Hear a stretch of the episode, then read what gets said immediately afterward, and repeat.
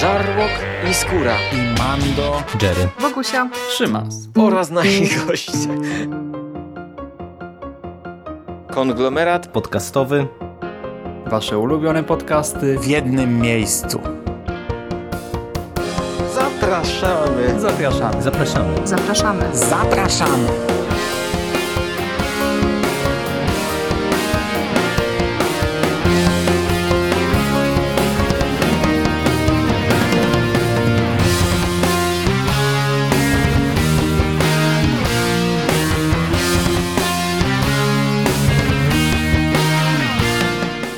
Witam Was w konglomeracie podcastowym, czyli na platformie, która zbiera wszystkie Wasze ulubione podcasty w jednym miejscu.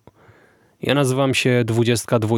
Możecie kojarzyć mnie jako Szymasa z bloga Necropolitan, a dziś chciałbym Wam opowiedzieć o stanie czerwieni.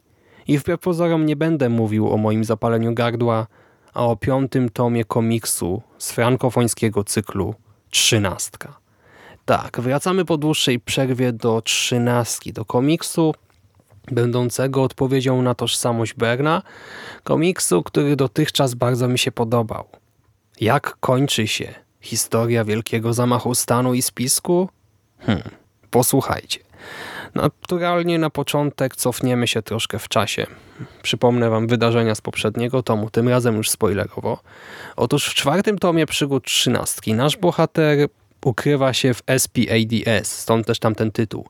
SPADS to jest tajna jednostka wojskowa stworzona przez Carringtona. Trafiamy do bazy wojskowej. Tam ukrywa się nasz główny bohater i poznaje tam też Betty.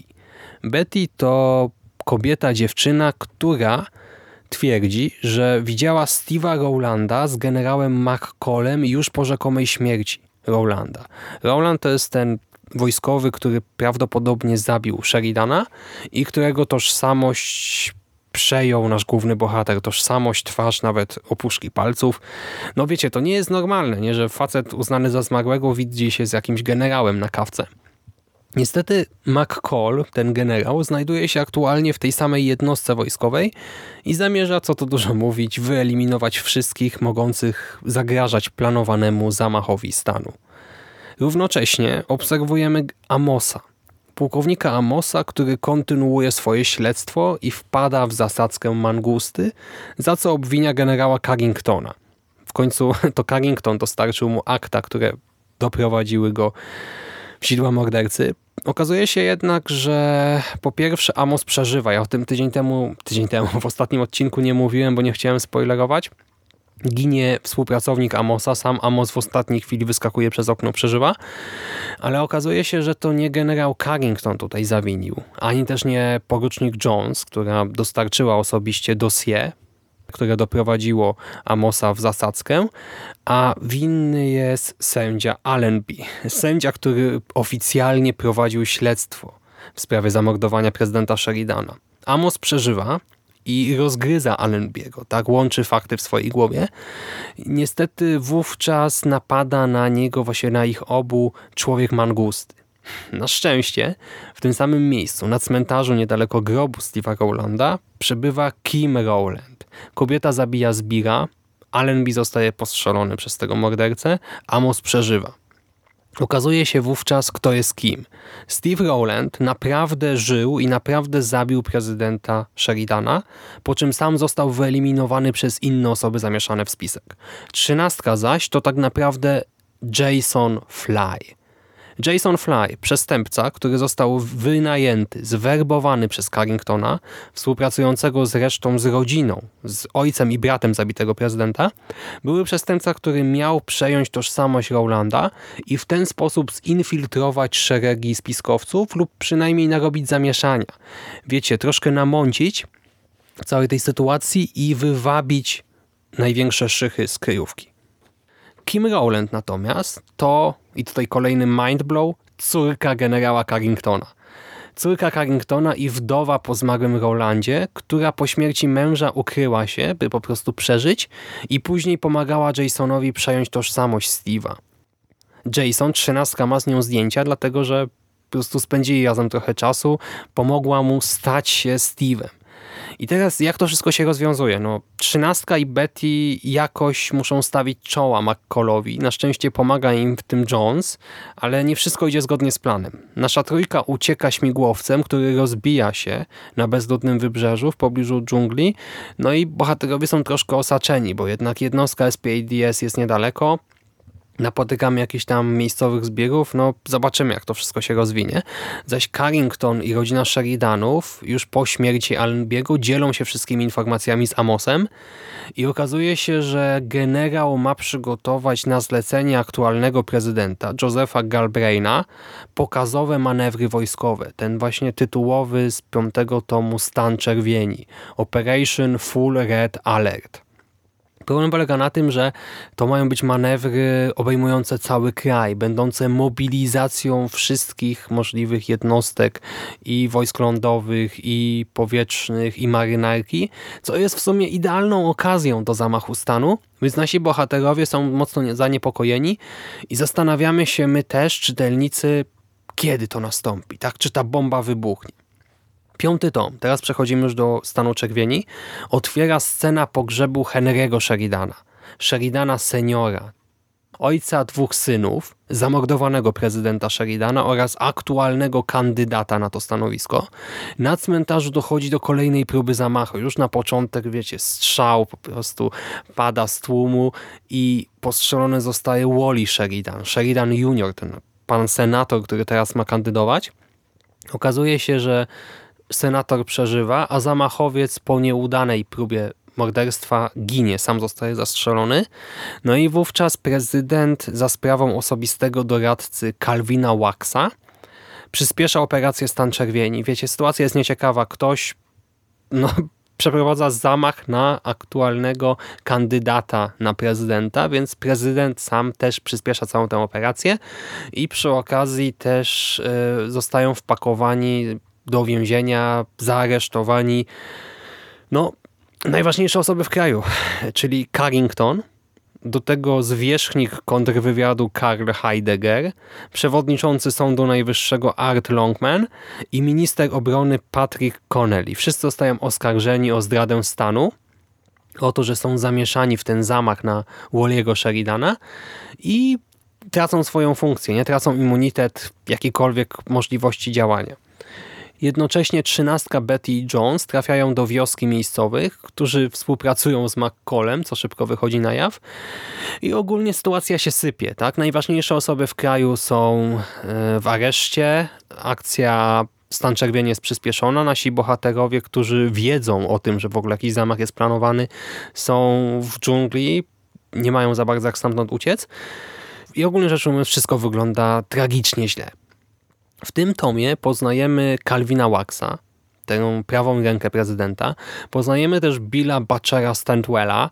To jest bohater, którego być może kojarzycie z gry komputerowej. Ten facet bez jednego oka, z opaską taką czarną na jednym oku. W tym tomie wyjaśnia się, w jaki sposób stracił oko. Tak, skąd ta opaska, dlaczego ją nosi. I to jest przegenialny motyw. Po prostu zakochałem się w tej scenie. Poznajemy też markiza Armanda de Presso, i to jest niby wątek poboczny. Markiz e, będący plantatorem bananów, po prostu posiadający jakieś tam większe ziemie niedaleko tej jednostki Spac. Niby taki wątek troszkę od czapy, ale jest przeuroczy. Jest świetnie wpleciony w całą historię. No ale jednak na pierwszym planie mamy tę intrygę. Nie mamy spisek i to jest podobnie jak w tomie czwartym e, lawina przemyślanych zwrotów akcji i ciekawych scenek. E, wyjaśnia się bardzo dużo rzeczy, poznajemy genezę wielu bohaterów, znowu prawdziwe tożsamości, czy też nowe detale na temat tożsamości różnych osób. I taka, nie wiem, jedna trzecia ostatnia komiksu, czy już w sumie druga połowa, bo w pierwszej połowie trafiamy do tego miejsca rozgrywa się w SSH-1. To jest taka tajna baza, z której prezydent ze swoją prawą ręką ma sterować operacją Stan Czerwieni i tam też przetrzymywani są ci nasi rzekomi zamachowcy. Y, w sensie te osoby oskarżone o zamach stanu i po prostu akcja tutaj trzyma w napięciu do samego końca. Do ostatnich stron nie wiemy, kto zginie, kto przeżyje. Wiecie, no możecie się domyślać, że dojdzie do wielkiej konfrontacji, tak, dochodzi do niej, ale nie wiadomo, czym to się zakończy. Kto zostanie ranny, kto umrze, kto nie, kto zwycięży. No oczywiście wierzymy w to, że dobro zwycięży, ale czy tak do końca? No teraz jeszcze nie powiem. Nie wiemy też, jaka jest rola samego Galbraina, tak, czy prezydent za tym wszystkim stoi od początku, czy może ktoś inny. Jaka jest rola Waxa, czy Calvin Wax jest po prostu prawą ręką, czy może jest szarą eminencją, czy może spełni tutaj jeszcze inną rolę. Kto jest numerem jeden, kto jest numerem dwa, kto jest numerem trzy, kto zorganizował cały spisek i jakie konsekwencje to wszystko będzie miało. Nie? Z jednej strony zamknięcie tych najważniejszych osób w kraju, z drugiej strony wprowadzenie stanu wojennego. Do tego wiecie, powiedzmy, że na zamknięciu najważniejszych osób w kraju się nie kończy, nie? no bo te osoby mają wiedzę, która jest szkodliwa dla naszych spiskowców więc trzeba by coś z nimi zrobić. Sytuacja naprawdę mocno eskaluje i to prowadzi do ostatniej strony komiksu, na której widnieje napis koniec. Koniec, gdyż te pierwsze pięć tomów w pewien sposób zamyka wątek spisku jako taką większą całość, przy czym nie wyjaśnia absolutnie wszystkich detali. Nie, co to to nie, ale to jest zamknięta całość. To jest historia opowiedziana od jakiegoś początku do jakiegoś końca i bardzo mi się podobała. Naprawdę mamy tutaj tyle suspensu, napięcia co u Hitchcocka i to jest dużo, dużo lepsze wydaje mi się od Jasona Berno, tożsamości Uladlama.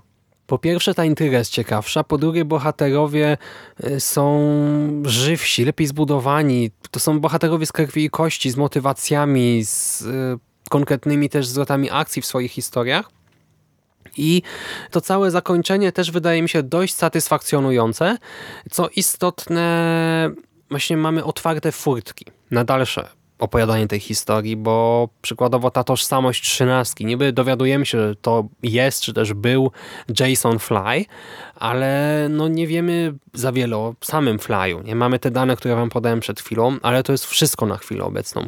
Co do tego, kto stoi za spiskiem, tutaj też zostaje jeden puzzle nieodsłonięty, więc można kontynuować fabułę. I jeszcze mamy wątek Mangusty, który także nie zostaje rozwiązany. Nie? Kto wynajął Mangustę i kim w ogóle jest Mangusta, ten przestępca, który morduje po prostu wszystkich stojących na drodze spiskowców? Tego jeszcze nie wiemy, mam nadzieję, że się dowiemy.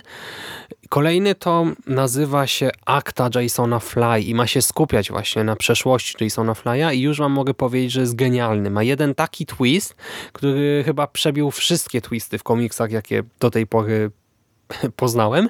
Naprawdę świetna rzecz, ale o tym więcej w następnym epizodzie. A teraz tylko, czy mogę się do czegoś przyczepić? Ewentualnie tego, że w finale mamy jedną taką ważną scenę, coś się dzieje, nie? Już tak wszystko eskaluje, zaraz po prostu wszyscy mogą zginąć, nie wiadomo co się dzieje i bum, puf, coś się wydarzyło. My do końca nie wiemy co, po chwili twist, wiemy kto zginął, kto przeżył i komiks się praktycznie kończy. Mamy jedną scenkę akcji, która zostaje wycięta. Nie wiemy w jaki sposób bohaterowie coś zrobili, co no może irytować. Mnie normalnie takie cięcia też wkurzają, ale zakładam, wiecie, ten komiks jest zbyt przemyślany, by to była po prostu taka ułomność jakaś przypadkowa, nie by ktoś o tym zapomniał.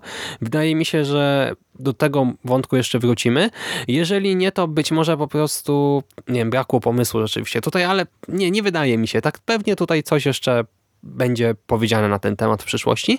A tutaj może komuś to przeszkadzać, że naprawdę brakuje tego jednego, dwóch kadrów, które by wyjaśniły, co się dokładnie wydarzyło w danej chwili, ale to jest scenka akcji, tak? To nie dotyczy całej intrygi, to nie jest, nie ma już tego thrillera tutaj w tle, tylko jest scena akcji, napięcie sięga zenitu i w sumie to może rzeczywiście, gdybyśmy zobaczyli jakieś banalne rozwiązanie tej sytuacji, to to napięcie by troszkę siadło, a tak to do końca jest wielkie, wysokie. Nie wiem, no mnie się pomimo wszystko całość podoba. Te wszystkie wątki z intrygi bardzo ładnie się splatają w całość i od strony wizualnej też cały czas to jest świetny komiks. Mamy naprawdę zróżnicowane kadry z masą detali, z różnymi tłami, bogatymi też w szczegóły i te sceny dynamiczne tutaj wyglądają niesamowicie. W ogóle każdy zwrot akcji jest tak, tak fajnie narysowany, gdy jakaś postać się pojawia gdzieś w cieniu, której nie powinno być w danej scence, nie? Czy właśnie gdy ktoś zdradza, okazuje się, że ktoś zginął, ktoś przeżył, ktoś został zraniony. To wszystko naprawdę no, szarpie naszymi emocjami i bardzo dobrze na nas oddziałuje, na czytelników. Ja czekam na kolejne tomy. Naprawdę akta Jasona Fly już sięgnąłem po nie, tak już wiecie, bo nie mogłem wytrzymać i chętnie wam o nich niedługo opowiem. Ale na dzisiaj to już wszystko. Dziękuję serdecznie za uwagę i do usłyszenia następnym razem. Trzymajcie się. Cześć.